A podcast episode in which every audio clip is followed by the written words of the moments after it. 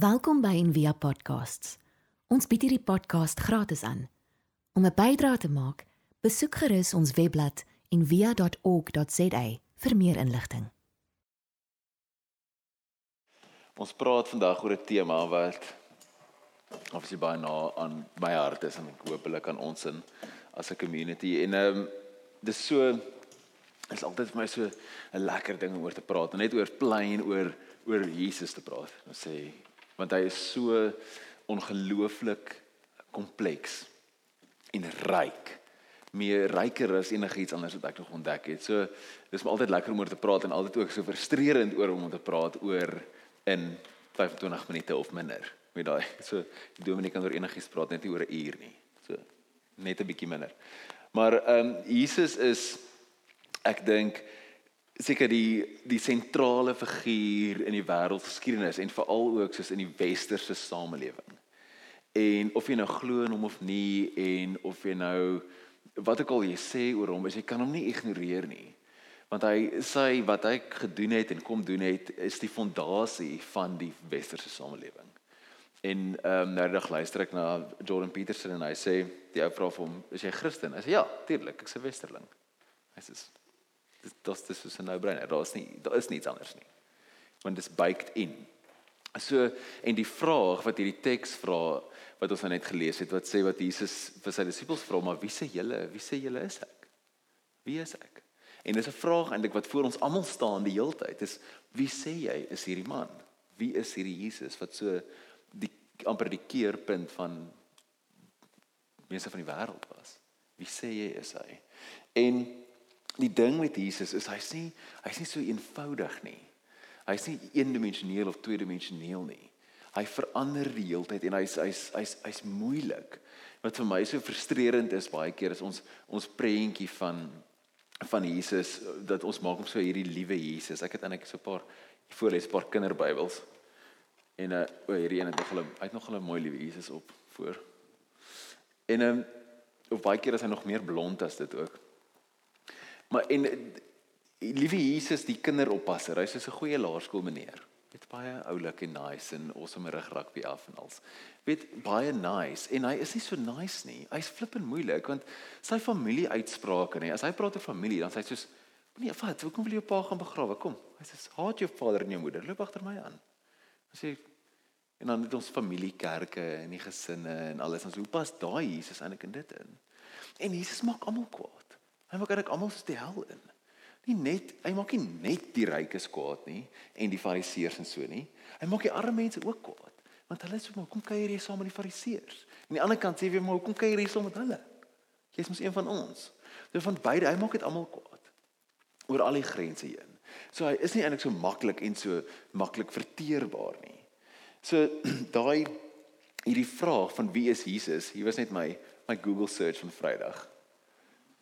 Nee, dit was net soos wie is hy net Jesus en dan screenshot. Dit was letterlik net soos die eerste ding. So daar's een ek glo hy holy haircut in die middel, dis reg nogal. Is interessante ene. So doen dit net net om jouself 'n guns te doen eintlik. Ek tik net in Jesus in Google en kyk wat kom op. Dis interessante en vreemde goeie sê dit. Dit wys maar net eintlik hoe hoe relevant hy nog steeds is. En hoe ons kan nie uitgeskryf en uitgepraat en uitgebeklei raak oor wie hy is nie. En die wêreld is bly nog steeds gefassineer met hom. En so ook in die eerste en tweede en derde eeu was daar baie stories en dokumente en goed wat rondgegaan het oor wie Jesus is. Wat mense vir mekaar gestel het, vertel het en briewe wat hulle neergeskryf het en so dat soveel so dat die kerk na rukkie besluit het maar hoorie hier gaan nou so baie goed rond. Ons weet nie meer wat is wat en wat is belangrik en wat is wat is wie nie. Kom ons hou net 'n meeting en dan besluit ons nê nee, oor wat is eintlik belangrik en wat is nie belangrik nie. En toe gaan hulle by 'n paar van hierdie ekonomiese vergaderings en besluit op 'n paar doctrines en 'n paar stellings. Hulle sê hierdie sê ons is noodsaaklik. En enigiets anders, dis is non-negotiables. Ek weet nie of jy as jy ooit in Spur was in jou lewe. Daar's daar's 'n ding wat sê the non-negotiables. Dit is soos hulle service ding wat hulle sê ons gaan altyd nice wees met jou, ons altyd vars kos hê, bla bla bla, nee. So die kerk het dit gedoen. Hulle het dit ook so Spur gedoen. Soos die non-negotiables. Hierdie is die lysie, dis die base en die res kan ons self oor praat en kan inkleer. Nee, en toe kom die goed soos die belydenisse uit. En seker een die een van die mees bekendes is hierdie een en as jy soos ek in 'n NG Kerk groot geword het, sal jy onthou dat mense dit Sondag het jy dit gesê. Dan het jy opgestaan en dan het jy dit gesê. Onthou jy dit? En dan dreun die kerk so. Dis dan ek altyd vir my nogal eintlik mooi geweest, maar wat sê ek glo in God die Vader, die almagtige, die skepper van die hemel en die aarde en in Jesus Christus se enige gebore seun, ons Here wat ontvang is uit die Heilige Gees, gebore is uit die maagd Maria wat gelei het met Pontius Pilatus gekruisig is, gesterf het en begrawe is en ter hulle neergedaal het en dan gaan dit aan, dan praat dit oor hoe hy gaan terugkom, hoe hy opgevaar het, hoe hy gaan terugkom. Ons glo in die Heilige Gees en dit is een van die basisdokumente van die kerk. Wat sê hierdie is non-negotiable. Hierdie dis wat ons doen. Nou maar wat hierdie wat ons nou, wat hierdie so moeilik maak, is daar's 'n massive seker my cool animation. Daar's 'n massive gap in, né? Nee? Dit dit vertel 'n storie en dit sê ek glo in Jesus Christus en hy is die seun van God en hy is ontvang van die Gees, gebore uit Maagd Maria en toe sy doodgemaak. As dit is hoorie daar's 'n gap. Eintlik nog 'n groot gap. Dan ek soos 'n 33 jaar gap wat die belydenis nie oor praat nie. En nou wat maak ons as ons die vraag wil probeer antwoord, weet wat maak ons eintlik met hierdie hele groot gap wat die evangelies is? Wat die storie vertel van sy lewe, van wat hy gedoen het. Dis wat maak ons met daai ding? En die vraag is dan soos nou wat leer die evangelies ons eintlik van dit en hoe hanteer ons dit? Want baie keer die een ehm um, een van die groot teoloë wat ek mal oor is, hom was N.T. Wright. Hy het so 'n great boek geskryf How God Became King. Wat baie van hierdie goed aanspreek ook. En ehm um, hy sê hy was die aartsbiskop gewees van Canterbury. En hy sê die evangelies is soos chip and dip. Hy sê mense gebruik dit soos chip and dip. Dis nie die regte kos nie. Dis net soos die chip and dip. Paulus, nee, daai dis nou. Dis is die vleis. So gou daai gesprek, so klaar met melk, vleis. Ons gaan nou vleis eet, nee, ons gaan nou Paulus. Ons gaan nou daai Romeinse pad stap. Ons gaan nou dit. So hy sê evangelies hanteer ons soos chip and dip, nee. Dis net so 'n bysaak. Dis soos iets wat ons vir die kinders in die sonnaskool leer. Dis kan 'n funny storieetjies, maar die regte goed, nee is dit wat in die belydenisse staan en dit wat Paulus ons geleer het. Dit is soos die serieus staf. Maar daai die evangelies is nie dit nie. As ons wil vraag antwoord maar wie is Jesus, dan moet ons weer kyk daarna. En as ek die vraag hiersou vra wat leer ons daarvan of as jy net vir jou gemiddelde kerkganger enige vra wat wat leer die evangelies ons eintlik? Dan is daar so 'n paar standaardvrae, omtrent 3. Die eerste een is soos hoe om hemel toe te gaan. Hierdie was ook net so 'n as jy Google search how to get to heaven, dan kry jy sulke sulke baie lekker images. Ehm um, hy hy daai een aan die regterkant blaas my gare terug. How to go to heaven from Sierra Leone. Dis baie spesifiek. So as jy nie daar is dan moet jy ander deel. Maar en dis dis baie keer wat die wat die evangelies is, is om te sê, maar maar dis hoekom dit daar is. Dis wat dit ons leer. Dit leer ons dit leer ons hoe om hoe om hemel toe te gaan. Hoe om van hierdie plek af na daai plekke toe te gaan. En maar die probleem is wanneer die evangelies praat en veral Matteus praat van die koninkryk van die hemel, dan praat hy nie van 'n ander plek nie. Hy praat van God, God se hemel, God se plek wat hiernatoe kom, wat deel word van hierdie. En hierdie idee wat in die kerk posgevat het van die hemel is hierdie um disembodied ewigheid. Waar jy as 'n gees, jy ontsnap hierdie ding en hy, jy gaan soontoe waar ook al dit is en dan is jy daar vir ewig. Hy is glad nie 'n uh, Christelike idee eers nie. Daai idee, het jy al ooit die uitdrukking gehoor? Ehm um, dit klink so mooi. Ons is 'n we are spiritual beings having a physical experience, hè? En daai klink so mooi, maar dit is so heeltemal onbybels en nie deel van die narrative nie. Dit is want as jy onthou die die die Jode was soos En die raai skryf, hy sê hulle was creational monotheists. Met ander woorde, God vir hulle is eerstens 'n skepper wat sy hande in die modder ingedruk het en mense gemaak het. Wat bome gemaak het en plante en voëls en dit en diere en alles en liefde en man en vrou. Na na na, nee. Eerstens vir die Jode is dis wie God is. Die skepper. En 'n monotheist, so die een God wat die skepper is van almal. En die hele narrative was was nooit dat God het hierdie gemaak en besluit hoorie maar nou gaan ons van hier af soontoe want hierdie is eintlik 'n fout nie. Die hele storie is heeltyd maar God kom en hy maak hierdie wat hy gemaak het, hierdie fisiese realiteit weer reg om die wêreld self te red en die mense insluitend. Een um, ou wat ek en hy sê ook God doesn't save souls, he saves holes. Nee, hy sê leer dit nie siele nie, hy red die hele ding. En dis wat die Jode geglo het wat hulle storie oor gaan. En um, die die tweede verskoning Die tweede ding wat mense baie keer sê maar hierdie hierdie is hierdie is waar die evangelies inpas en soos nou daai gap moet vul. Is dis Jesus as 'n teacher. Né? Nee? En dis baie populêr ook om Jesus te sien as 'n as 'n wisdom teacher. As wat hy wat hy gekom het om seker goed te leer en hy was dit. Kyk hy hy's 'n amazing teacher. En dit sy sy teachings is goed wat die letterlik ons wetstelsels en alles opgebou is oor hoe ons mense moet hanteer en wat ons moet doen. So sy teachings is ongelooflik. En hy is dit. Maar Jesus kom kom doen iets anders. Hy kom doen eintlik so klein bietjie meer as dit. Dis hy hy kom nie hy kom nie en sê vir mense, hoorie, ek het soos ek het soos 'n nuwe liedjie. Hier's 'n nuwe tune. Hey, van nou af dans ons op hierdie tune. Ons gaan nou net anders leef. Wat Jesus doen is hy sê, hoorie, hier's 'n nuwe instrument met 'n nuwe tune. Dis wat ons gaan doen. Dis heeltemal iets anders as net soos om te teach. En die tweede ding wat saam met dit gaan is Jesus was soos vir ons 'n voorbeeld. Ons moet soos hy wees, nê? Nee? Want wie het so baantjie gehad? Kom ek kan wel lei. Ek het een gehad, 'n groene met wit letters. Wat sou Jesus doen? Net jy ooit probeer doen wat Jesus doen? Dit is reg baie moeilik actually. Nee, en so semi onmoontlik eintlik om stories te kan vertel soos hy, om mense gesond te maak soos hy, om die ander wang te draai soos hy, om mense te vergewe soos hy. Dis basically pretty much onmoontlik. So daai werk nie eintlik so lekker nie. Dis verskriklik tricky. So en net omdat ek iemand anders sien dit doen, maak dit nie vir my moontlik om dit te doen ewe skielik nie. Ek kan dit dalk sien, maar dit is nie so maklik om dit net wel te doen nie. En as dit is wat Jesus gedoen het, as dit die hele punt is van die evangelies, dan is hy een amper sê koerse, massive failure. Want dit werk nie. Want ons kry dit nie reg nie. Hy doen wat hy doen, want dit is nie eintlik wat hy doen nie. Want wat hy kom doen, hy's die hy's die, die die een wat iets kom doen, nie kom doen het wat die manier verander hoe dinge is vir almal anders. Verstaan? Hy die manier hoe goeders is kom verander en gesê die wêreld verander. Dinge word nou anders.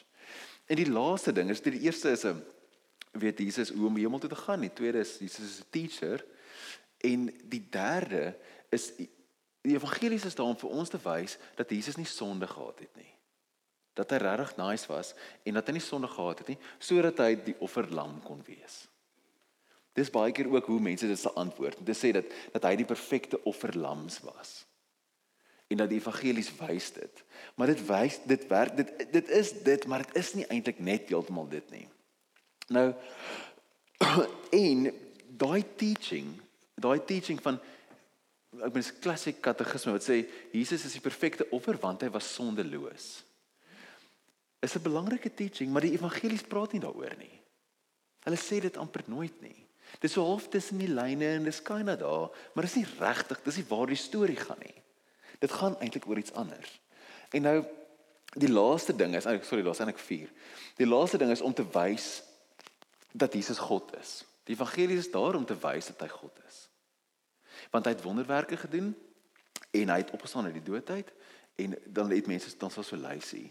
Nou die probleem met daai is dat baie mense wonderwerke gedoen in die tekste. En baie ander mense het ook uit dood het opgestaan. En niemand aanbid hulle nie. Ons het nie soos die kerk van Lazarus nie. Of die kerk van Elia nie of Elisa nie. Ons het nie ons het nie dit nie. Want dis nie die rede, dis nie waar daai stories gaan nie. En die wat interessant is van die evangelie super vir my is as jy wil bewys dat Jesus God is jy gaan soek 'n teks in die evangelies, is dit flippend moeilik. Dis soos kind of maybe soort van daar. Dit sê sal sê soos ek en God is een en as jy die Vader sien, dan sien jy my. So dis half kripties en verskuil en so. Want weer eens, dieselfde ding, dit is nie die, dit is nie hoe dit geskryf is nie. Dit dien eintlik soos 'n heeltemal 'n ander doel. En dis waar dit waar ons eintlik uitkom. Nou N.T. Wright skryf ook, hy sê the meaning of a word is its use in a sentence. And the meaning of a sentence is its use in a paragraph. And the meaning of a paragraph is its use in a larger document to which it contributes. Okay? So die woord is in 'n sin en die sin is in 'n paragraaf en die paragraaf is in 'n storie en die storie is in 'n boek. En dis hoe jy dit moet lees. Jy moet die hele ding lees. Dis is die die die waarheid. Dis wat die ding baie keer sal mense ook sê, weet die die Bybel het autoriteit, die skrif, nê, nee, die skrif het autoriteit. En dit raak regtig moeilik want nou vat jy 'n teksie hier en 'n teksie daar en jy sê kyk maar hier, wat sê hierdie teksie? En dan een wat die beter teksie het, so pel vir my die prof by Tikkies, hy sê altyd die een dis is 'n karate teks. As jy die groter beter karate teks het as die ander een, dan wen jy. Net dan kan jy mekaar eintlik oor die kop slaan met dit. Maar daai teks pas binne 'n paragraaf, pas binne 'n storie, binne 'n boek, binne 'n narrative en die die autoriteit van die Bybel. So jy sê maar waar lê authority? Lê in die narrative. Soos eintlik onder dit. Is soos die die storie wat dit vertel. En daar raak dit eintlik soos heavy heavy interessant. Want die Bybel is een lang massive storie. En nou die obviously die storie van die Israeliete wat uit Eksodus uit Egipte uitgegaan het, die Eksodus, daai dis hulle narrative, hulle storie. Nou wat so interessant is, as jy al weet al daai daai Bybel in 1 jaar ding probeer, hè? Mens verdrink gewoonetjie by Levitikus. Dit gaan great. Genesis, Exodus, dis awesome, maar dit is lekker stories en dan hier dan vang jy so dip hier en dan hier wie Deuteronomium en dan Levitikus ons het gone. Dan weet jy dan dan werk niks meer. Dan skiep jy dit gewoonlik en dan kom jy by konings van daar's vir lekker stories. Nee, rigters, weet Joshua en dan kry konings en so en dit is lekker. En en dan en dan duik mens weer in die hek met Job en dan sukkel. So maar die, as jy die hele Ou Testament in jou kop net kan imagine, dis 'n baie interessante dokument. En wat dit die hele tyd doen is dit dit dit maak nie klaar nie, dit resolve nie. Dit dit eindig so half oop. Daar's heeltyd soos hierdie het gebeur en toe en toe werk dit nie. Hierdie het toe werk dit nie. As jy die boek van konings lees, dan sê dit dan kom die volgende koning en dan gaan dit great, nê, vir so rukkie. En dan is dit baie lang langer stukkies ander korter en aan die einde van dit dan sê dit altyd and he did evil in the sight of the Lord. Nee. En en dan alles was recorded in the annals of the king. Ons sê dis. En dan kom 'n nuwe koning, en dit's great en dan and he did evil in the sight of the Lord. En dan gaan dit oor en oor en oor en oor en oor. En dit is asof hulle op die plek staan en hardloop en dit die ding wil nie lekker werk nie. En dan elke nou en dan dan lyk dit of dit en dan nee. En dan lyk dit en dan nee. En dis die dis die narrative van die hele Ou Testament. Dit is soos hierdie dit eindig met hierdie vraagteken. Van wat nou? Ons is nou in ballingskap. En dan waar die Nuwe Testament oopmaak, die gap tussen die Ou Testament en die Nuwe Testament is omtrent 400 plus jaar. En dit eindig met die volk in ballingskap. En dan begin dit en dan is hulle onder Romeinse verdrukking met die Nuwe Testament. So hulle is nie hulle is nie regtig ooit weer verlos nie. Hulle is nog heeltyd slawe of onder verdruk. En Jesus kom op kom op die op die scene en hy vertel baie spesifieke stories en hy sê baie spesifieke goed en die evangelie skryf oor hom op 'n baie spesifieke manier wat intap by hierdie narrative. En wat vir altyd so interessant is as jy die ehm um, ek het hom nou nie gebring ek was nou eintlik gebring het die Gnostic Gospels die die die die apokriewe boeke veral van die Nuwe Testament soos die uh, van Maria Magdalena van Thomas van Judas al daai stories daai die ene evangelie van Thomas wat vertel hoe Jesus klein was, want hy sulke klei voeltjies gemaak en dan dan maak hy dit en laat dit vlieg en dit was een maatjie lelik met hom te maak hom dood. Daar was sulke daar sulke stories, nê? En Maria Magdalena se is beautiful, nê? Dit is regtig verskriklik mooi. Ek gaan lees dit. Maar wat interessant is, is daai gospels is heeltemal disconnected en verwyderd van die Israel storie. Soos heeltemal. Dis beautiful. En dit het, het baie van dieselfde stories in, baie van dieselfde gelykenisse en so, maar dit het nie daai connection nie.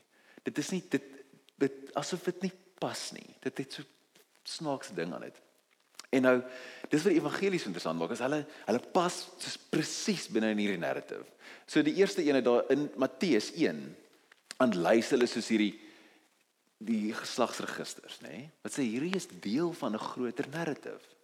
En wat interessant is van die evangelies ook, net so ek moes dit nou-nou gesê het oor om te bewys dat Jesus God is, is hulle sê dit nie want hulle vooronderstel dit. Hulle sê ons weet dit klaar. Ek dis nie die punt van hierdie boek nie. Die punt is nie om te sê Jesus is God nie, want dis it's presupposed.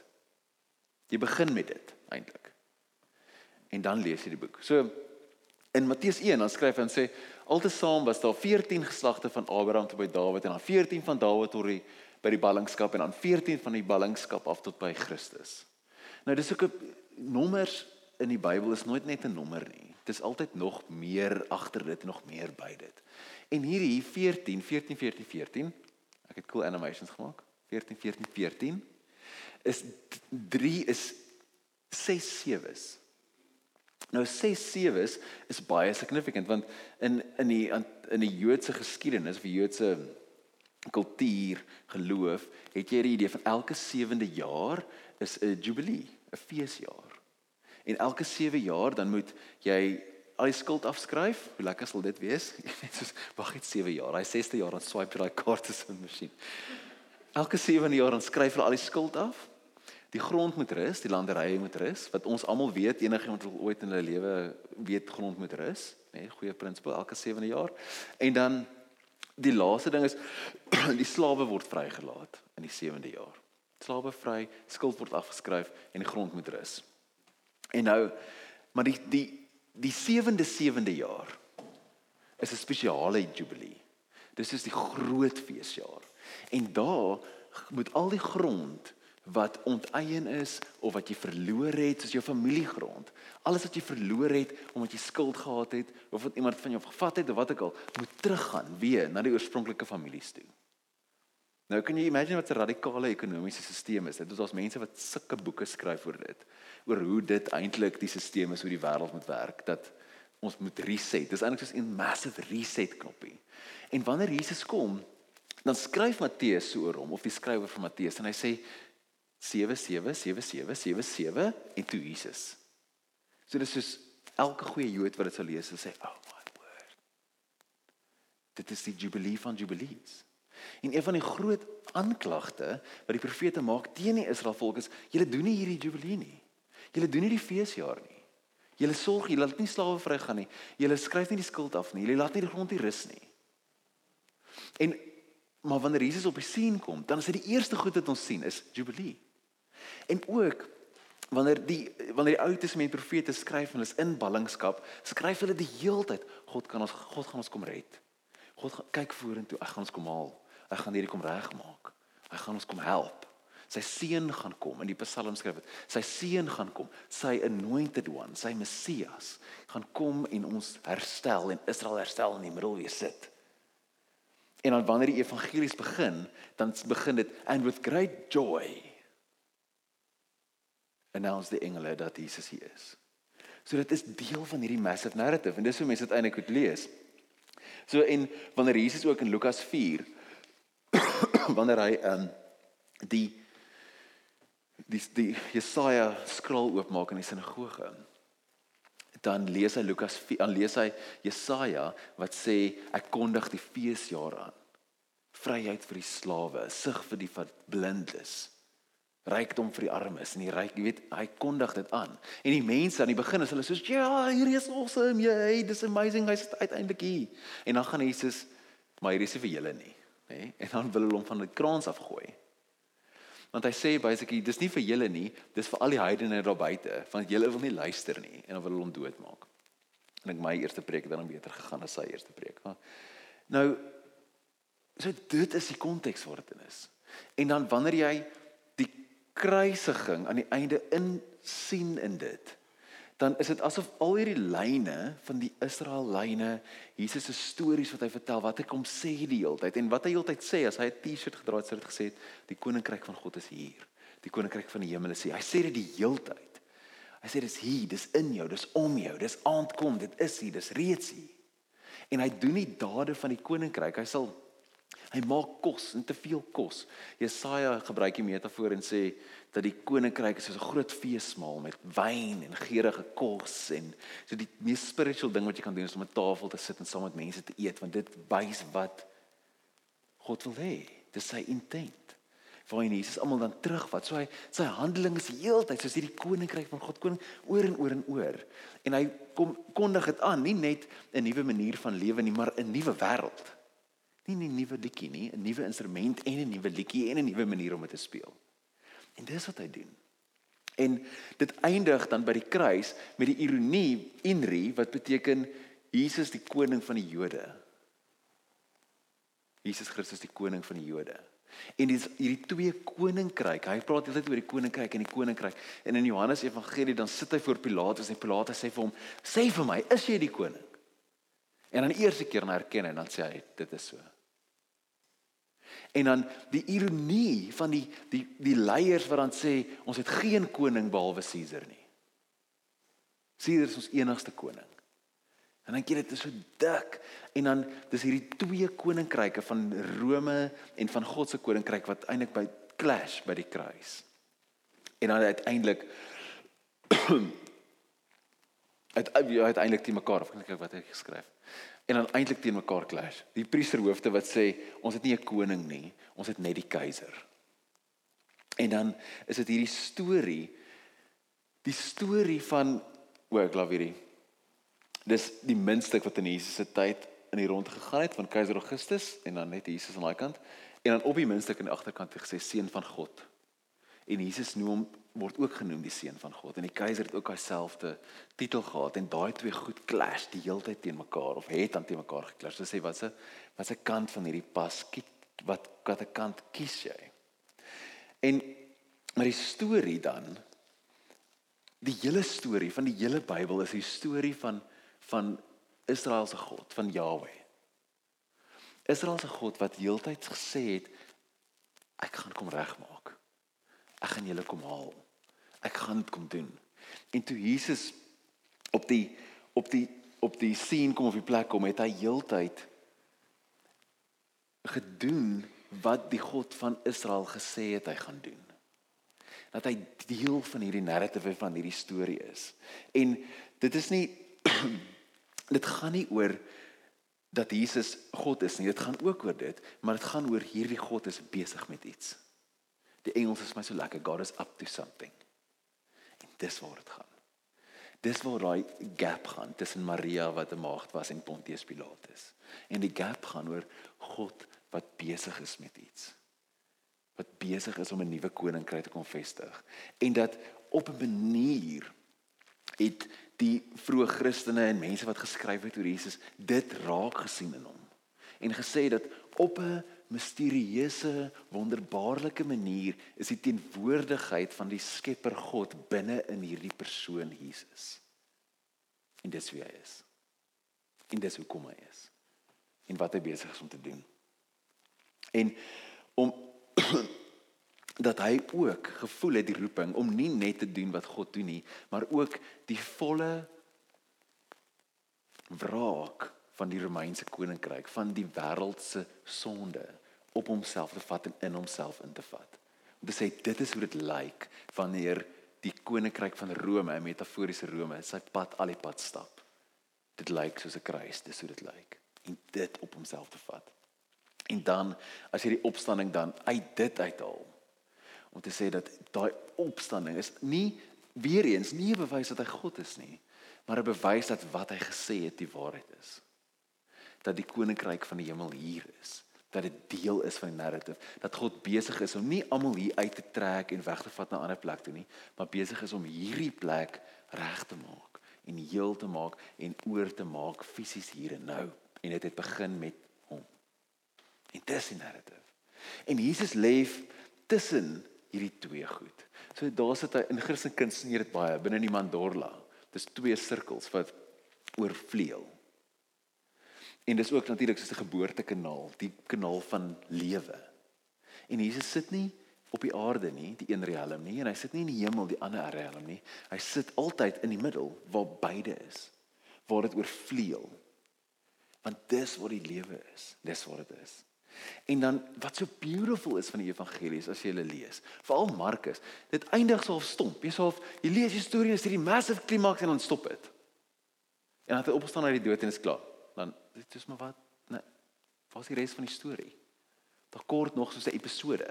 Jy sê half die volgende season kom eers later uit. Jy moet nog die res kyk. Dit word tog soos dit moet nog aangaan. En dan die res van die storie is dan die kerk se storie waar die kerk in tap by hierdie storie wat begin het in Eden en wat geval het van wat God bedoel het en van God wat saam met sy mense is en hy het hierdie plan wat hy sy mense weer terugbring en hy kom self na hulle toe en hy bring hulle op en dan op die ou ende word dit die kerk wat dan hierdie storie aanhou vat. En dis wie hy is. Dis wat die die Bybel so beautiful maak en die storie van Jesus so beautiful maak. Is dit dis daai. Dit sê dat dis deel van hierdie massive massive ding. En ons wat hier sit en die vroeë Christene wat toe daar gesit het op sy het, ons kan nou as gevolg van hom, sy voorbeeld, sy teaching en wat hy kom doen het en sy gees binne in ons, sy empowerment wat binne in ons kan ons hierdie voortgaan en kan ons hierdie wêreld verander en nuwe goeders begin doen en goed herskep. En daai goed wat die die wêreld wat so stelselmatig herskep word. As jy kyk oor die geskiedenis heen hoe die wêreld verander het. En in plekke waar die volgelinge van Jesus is, hoe hulle hierdie crazy idee dat alle mense dieselfde is. Nê? Nee? Dat die dat die wet geld vir die koning en vir die ou op die straat. Daai idee wat ons vat as vanselfsprekend, is uit en uit 'n idee wat uit Jesus uitkom. Wat sê jy's nie beter as daai een nie. Almal dieselfde. En dit vat ons 'n paar honderd jaar om van hierdie goeie te besef en dit mooi te implementeer. En dit vat ons 'n paar, vat ons nog steeds om uit te figure dat vrouens en mans gelyk is. Maar waar hierdie narrative hardloop en waar die koninkryk hardloop, dit was ook wat so beautiful was van die vroeë kerk, is daar was 'n plek vir vrouens en slawe. Daar was nie nie ander nie. Dis wat so mooi is van dit. En wanneer ons nou die nagmaal gebruik, dan wil ek jou dis vra. Wat wie sê jy is hierdie man? Wat is dit? En om dalk dit dis mens die nagmaal gebruik word dit 'n deel van jou, soos die brood en die wyn 'n deel van jou word, word ons deel van hierdie narrative. Die nagmaal is hierdie manier wat dit wys terug in die verlede in. Na die kruis toe, na dit wat gebeur het en nog verder terug as dit, na die offers in die tempel en die, dit nog verder terug as dit. En dit wys na die Here toe, waar ons nou gevoed word deur dit. En dit wys aan die toekoms toe van dit wat nog nie hier is nie. Van Jesus wat weer gaan kom, van alles wat hermaak word en herskep word in wysoen toe. So die oomblik as jy dit dit gebruik, trek dit jou vorentoe en agtertoe en dit steun jou hier oomblik ook. Kom ek bid vir ons Here. Dankie Here vir hierdie ongelooflike ongelooflike storie. En help ons elkeen dat ons in ons harte die vraag antwoord. Die vraag wat al so lank lei deur die wêreld. Wie is hierdie man? En wat is besig om aan te gaan? En gee ons die krag en die wil om te doen wat U wil om deel te lewe van U koninkryk en saam met U dit aarde toe te bring. Dat ons hierdie plek wat so kosbaar is, kan hermaak en herskep. Seën net die brood en seën net die wyn in U naam alleen. Amen. Ons hoop van harte jy het hierdie podcast geniet of raadsaam gevind. Besoek gerus en via.ok.za vir meer inligting.